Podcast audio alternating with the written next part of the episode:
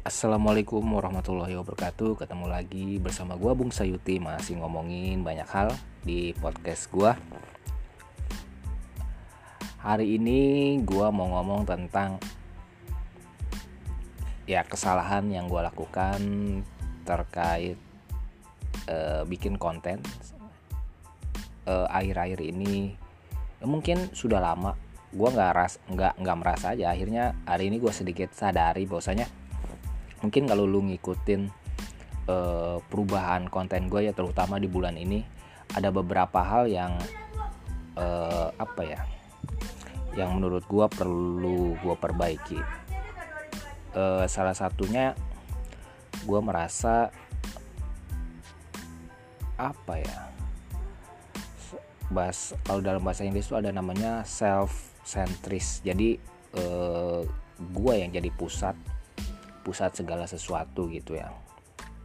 Dan misalnya pendap dari perspektif perspektif subjektif gua ya terhadap memandang sesuatu gua bicarakan di situ.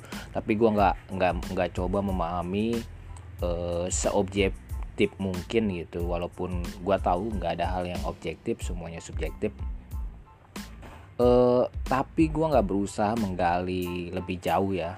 Jadi gua ya apa yang gue tahu pendapat gue apa yang gue pikirkan. Gue hanya berbicara tentang itu.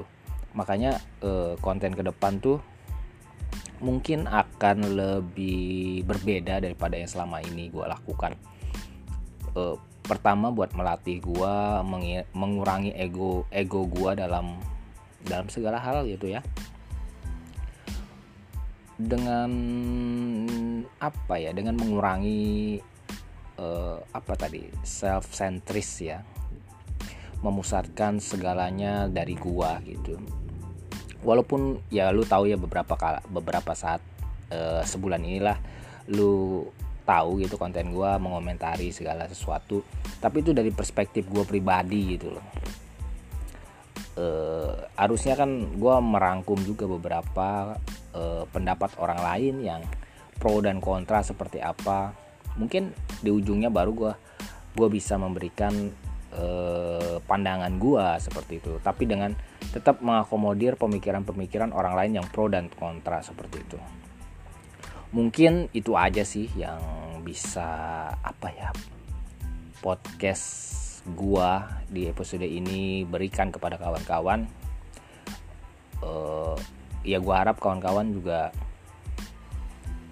uh, belajar dari kesalahan gua ini bahwasanya ya self centris itu berbahaya dalam membunuh kreativitas gitu banyaklah yang akhirnya produk-produk luar biasa kayak Nokia yang tergantikan BlackBerry, BlackBerry tergantikan Android. Mungkin cukup sekian podcast gua kali ini. Assalamualaikum warahmatullahi wabarakatuh.